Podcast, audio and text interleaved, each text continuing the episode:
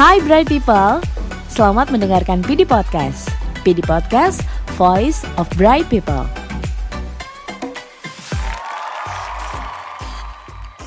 Hai Bright People, Oke, sekarang giliran saya, Amilda, dari Learning Division People Development yang akan mengudara dan ngobrol-ngobrol seru pada PD Podcast kali ini.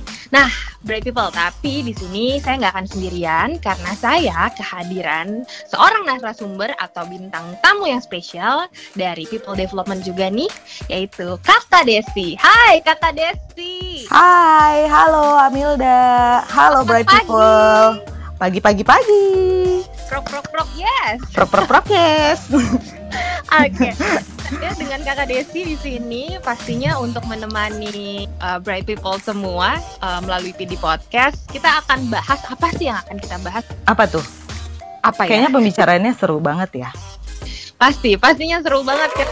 Ini ini Oke. menarik banget ya. Apa yang akan kita bahas pada kesempatan kali ini di PD Podcast? Kita pengen ngebahas sesuatu hal yang mungkin ini eh, nggak terlalu dipikirin banget. Mungkin dari sisi skill, knowledge Mhm. teman-teman atau bright people semua pasti udah oke lah ya mengikuti proses training, development dan lain-lain. Tapi ada satu hal yang penting juga nih sebenarnya Kakak Desi, yaitu adalah personal branding. Hmm, Jadi betul di betul sini- setuju.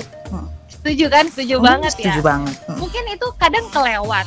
Eh, kita harus bagaimana cara kita menciptakan personal branding sampai tips untuk menciptakan personal branding itu sendiri. Nah, karena saya di sini nggak sendirian, udah ada Kakak Desi. Mm-mm. Aku mau tanya dong, Kakak Desi. Boleh boleh boleh. menurut kamu ya, personal branding itu apa sih? Kalau uh, bahasa secara harfiahnya, personal itu kan pribadi gitu ya, diri gitu ya. Kemudian branding itu kan merek. Jadi Oke. kan gimana kita menampilkan merek. Merek itu kan suatu yang khas. Iya Ya, kan ya? Setuju, setuju. Jadi gimana kita bisa menampilkan ciri khas dari kita gitu, dari pribadi masing-masing gitu. Jadi lebih eh, Hmm, ke hmm. personal kitanya tuh gimana kita menciptakan merek itu sendiri ya. Betul. Penting gak sih ciptain merek tuh? penting penting karena orang tertarik kalau udah ngomongin merek atau melihat merek sesuatu nih Betul. contoh ya Hmm. kayak mau beli barang Hmm.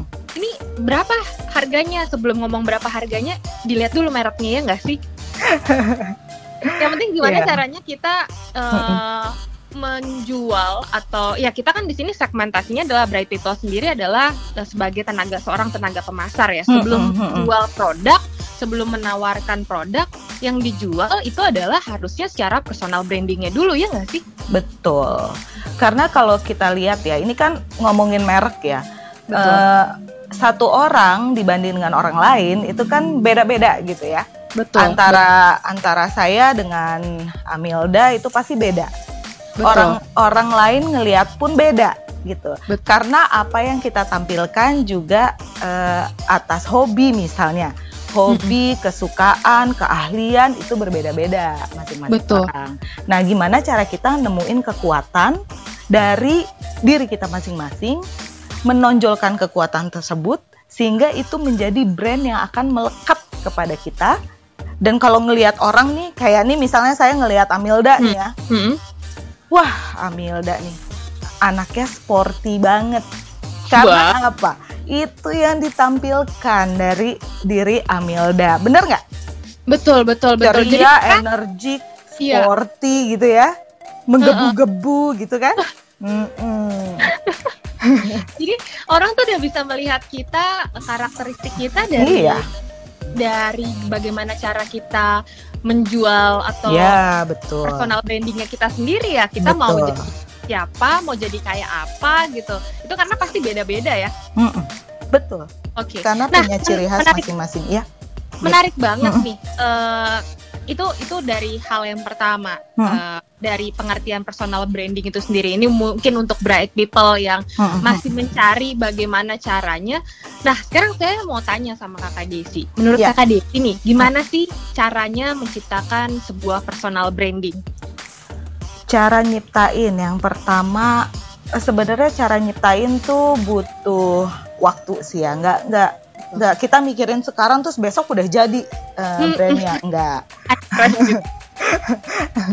jadi eh, untuk menciptakan itu kita harus tahu eh, mau ngapain sih gitu ya. Misalnya kayak teman-teman sales ini ya. Untuk ciptain eh, brand eh, Mm-mm. citra image yang baik supaya apa? Ke depannya tujuannya tuh apa? Biar bisa menghasilkan eh, sales yang tinggi misalnya produktivitas yang tinggi misalnya. Supaya atau supaya nasabah nasabah atau orang lain tuh percaya gitu Mm-mm. ngelihatnya. Nah, tujuan itu harus tahu dulu kenapa kamu menciptakan eh, brand Oke. atau personal branding. Gitu. kita Mm-mm. tahu gimana caranya, kita harus tahu dulu tujuannya kita mau mau Mm-mm. gimana, mau ke siapa gitu ya. Karena Betul. pasti itu sebagai eh, hal yang harus kita pikirin dulu, baru kita bisa nentuin gimana Mm-mm. caranya nih gitu ya. Mm-mm. Ngapain sih eh, build eh, personal branding tuh apa sih tujuannya gitu. Jadi emang kenapa sih kamu pengen dikenal sama orang lain gitu. Nah, itu harus tahu dulu kenapa gitu. Tapi cara Mm-mm. untuk eh, kalau misalkan sedikit ya, sedikit Mm-mm. baca atau explore gitu untuk Mm-mm. kita benar-benar tahu gimana caranya menciptakan personal branding, iya dengan kita juga tahu gitu ya apa yang menjadi kelebihannya kita, gimana Betul. dan Mm-mm. levelnya kita, ya nggak sih? Betul. Eh, kalau saya, menurut saya ya, eh, Mm-mm. untuk teman-teman sales ini, apalagi kan kita bicara sekarang eh, sales gitu kan. Betul, betul. Eh, orang sales tuh harus apa sih gitu loh? Mm-mm. Apa sih kita mau menampilkan apa sih gitu ya?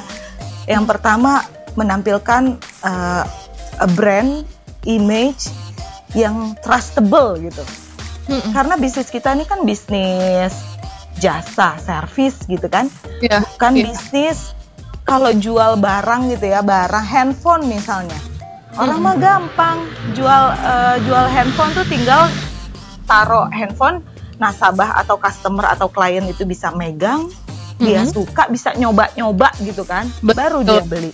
Memangnya kita iya begitu? Enggak kan berbeda. Apa yang kita jual tuh hanya bisa dibayang-bayangkan gitu. Mm-mm. Jadi yang pertama, seorang sales tuh harus bisa dipercaya. Itu yang paling penting.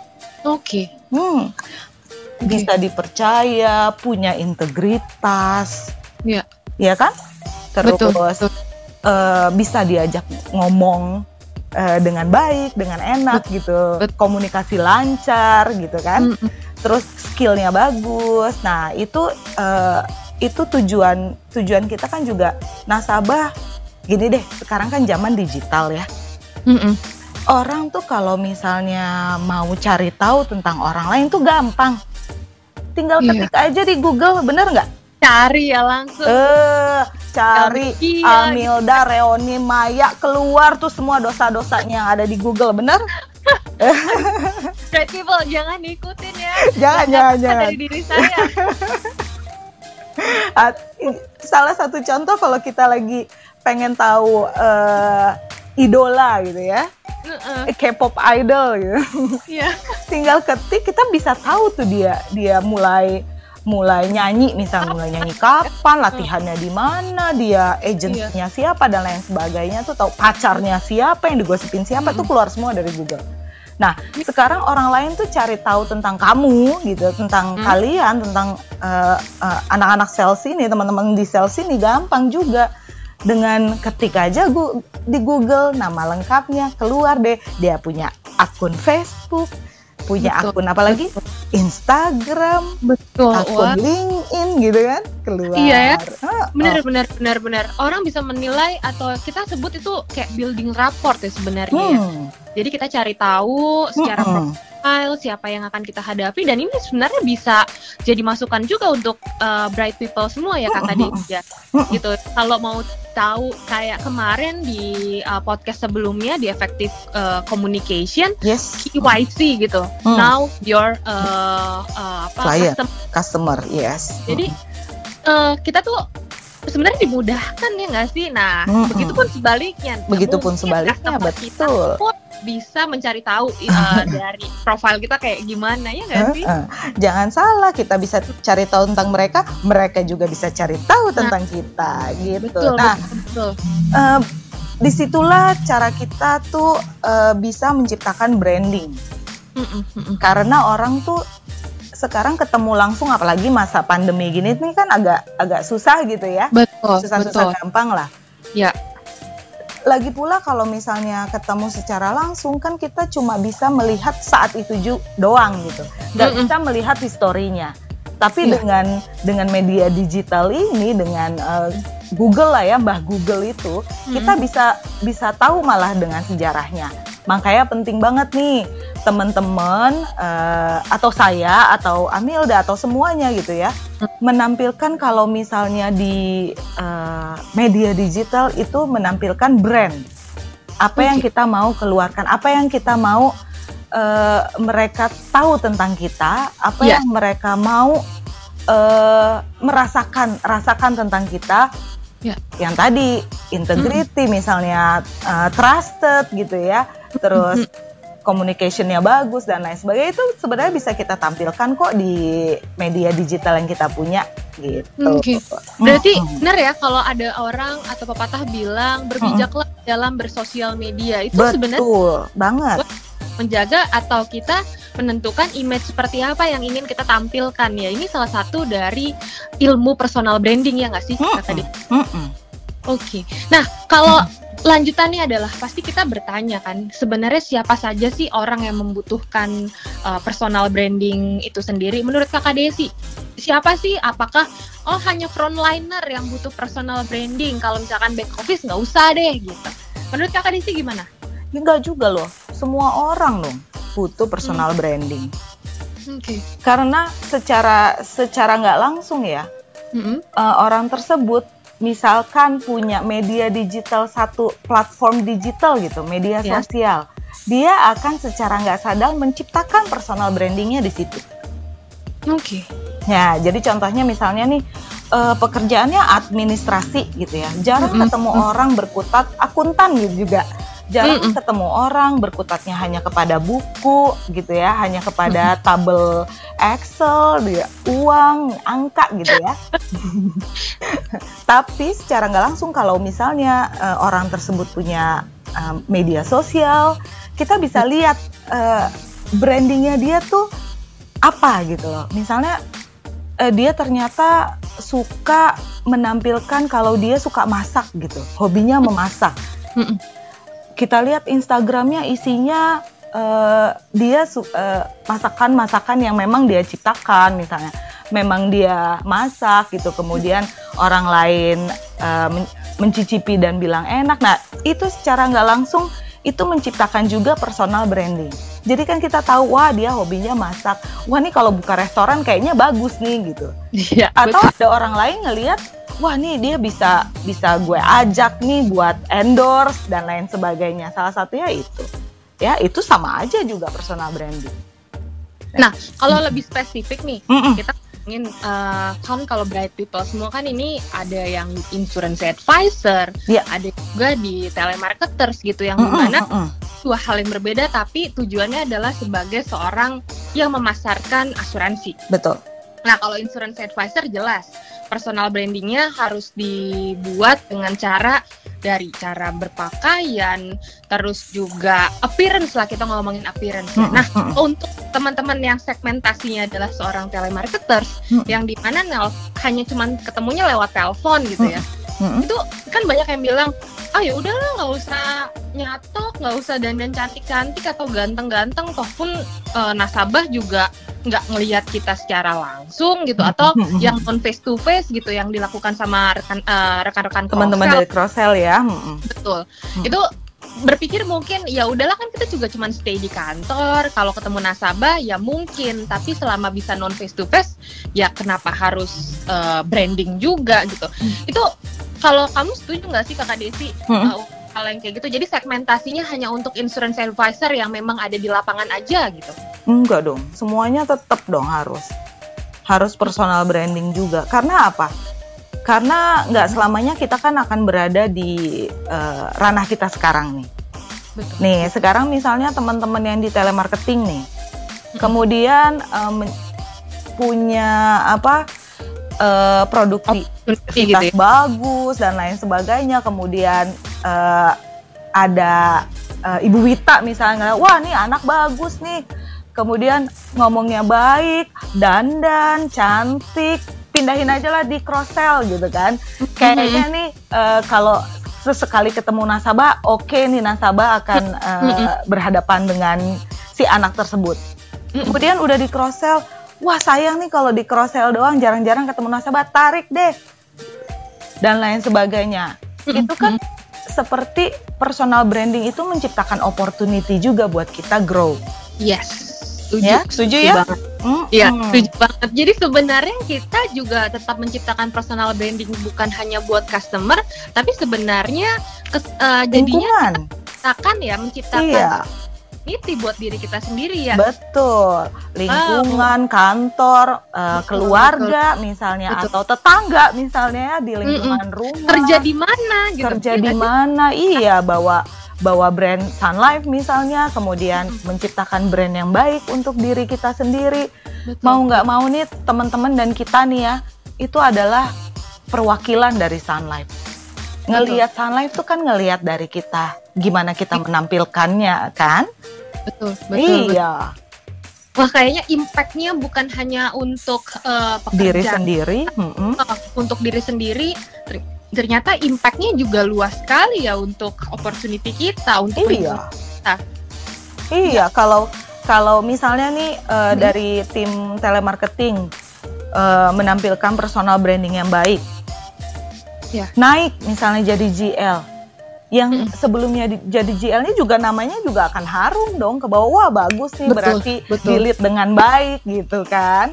Betul. iya, bisa ini akan menjadi keuntungan buat kita. Trainernya juga bu, hmm, ini pasti ditrain sama orang yang ciamik gitu. iya benar, benar. dong. gitu Jadi- sih. uh. Itu kan jadi kita tuh akhirnya tahu ya, maksudnya bukan mengecilkan diri kita sendiri dengan pekerjaan kita seperti apa No, dan no, no, iya. Justru betul. kita yang harus menciptakan itu dan kita harus confidence juga Mm-mm. bahwa sebenarnya secara personal ya namanya juga personal branding ya kita pikirin secara personal nih diri kita sendiri. Mm-mm. Oke, dan Gitu. tadi kan Kakak Desi juga menyebutkan bahwa ada proses yang Ya. di mana ya terbentuk atau terciptalah sebuah personal branding. Nih kadang nih Mm-mm, sebagai mm-mm. ya biasa ini saya ngomongin diri saya sendiri lah ya. Ya. Saya tuh juga orangnya nggak sabaran. Ya namanya mungkin masih muda, terus Eh, ener Masih energinya muda ya? Baik. Ya, saya- jadi energinya masih cukup banyak. Jadi ada rasa-rasa eh, idealis yang nggak sabaran ini kok kayak gini terus nggak impact jadi nggak sabaran langsung lah eh, switch ke hal lain yang segala macam yang kayak gitu-gitu. Nah Ya. ngomongin seberapa lama akhirnya terbentuk atau proses gimana sih caranya kita dapat menghadapi proses itu dan akhirnya kita benar-benar bisa eh, menciptakan sebuah personal branding. Hmm. Kalau dari kakak Desi ada tips nggak? Eh, kalau menurut saya proses itu memang tergantung tergantung dari ko- eh, konsistennya orang tersebut ngejalaninnya. Oke. Ya, jadi eh, kalau kalau kita buat personal branding itu secara konsisten, misalnya melalui salah satu media digital, eh, sosial media lah, Instagram misalnya, Ya. menampilkan di situ secara konsisten, lama-lama akan terbentuk. Memang, memang harus sabar. Ya. Karena yang namanya personal branding kan nggak sekarang diciptakan besok udah Nggak langsung diterima gitu kan. Harus sabar dan ikhtiar. Wow. Ibu Haji.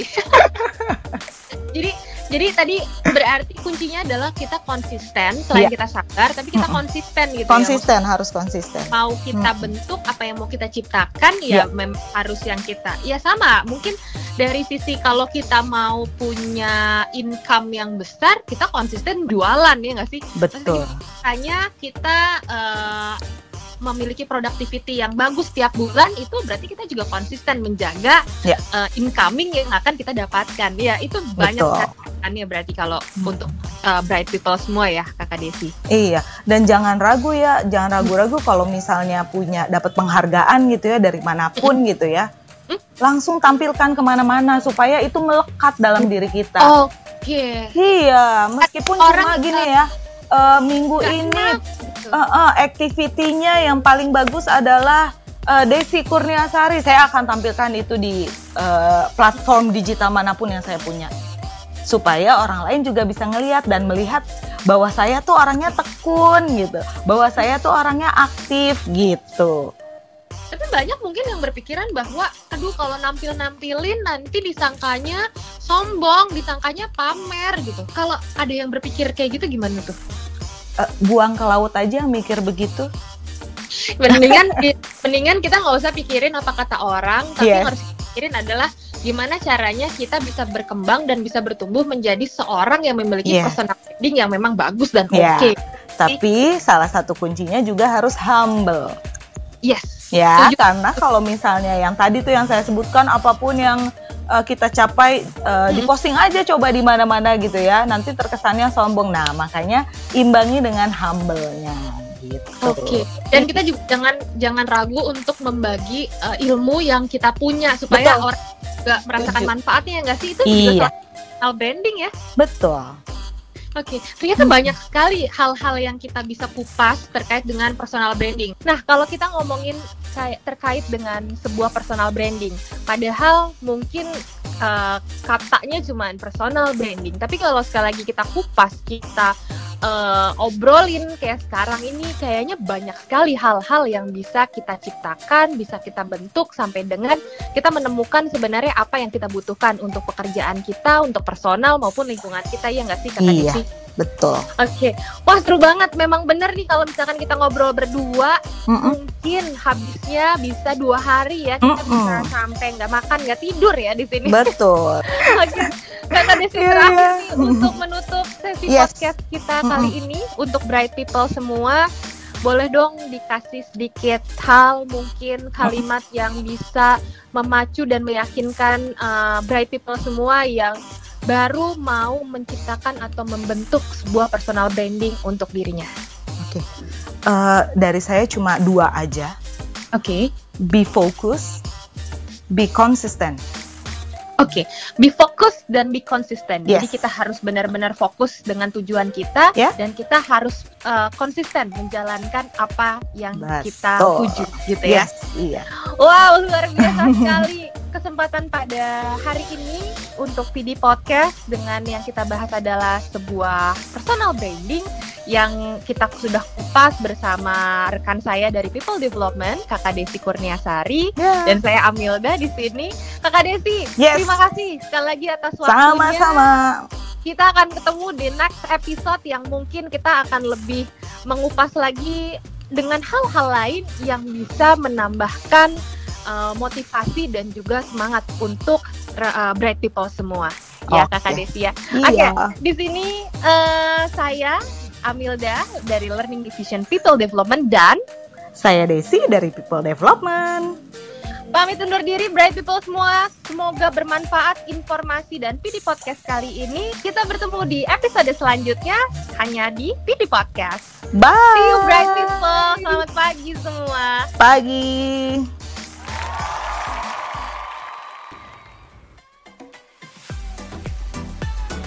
Hai Bright People, terima kasih telah mendengarkan PD Podcast. Tunggu keseruan PD Podcast episode selanjutnya ya.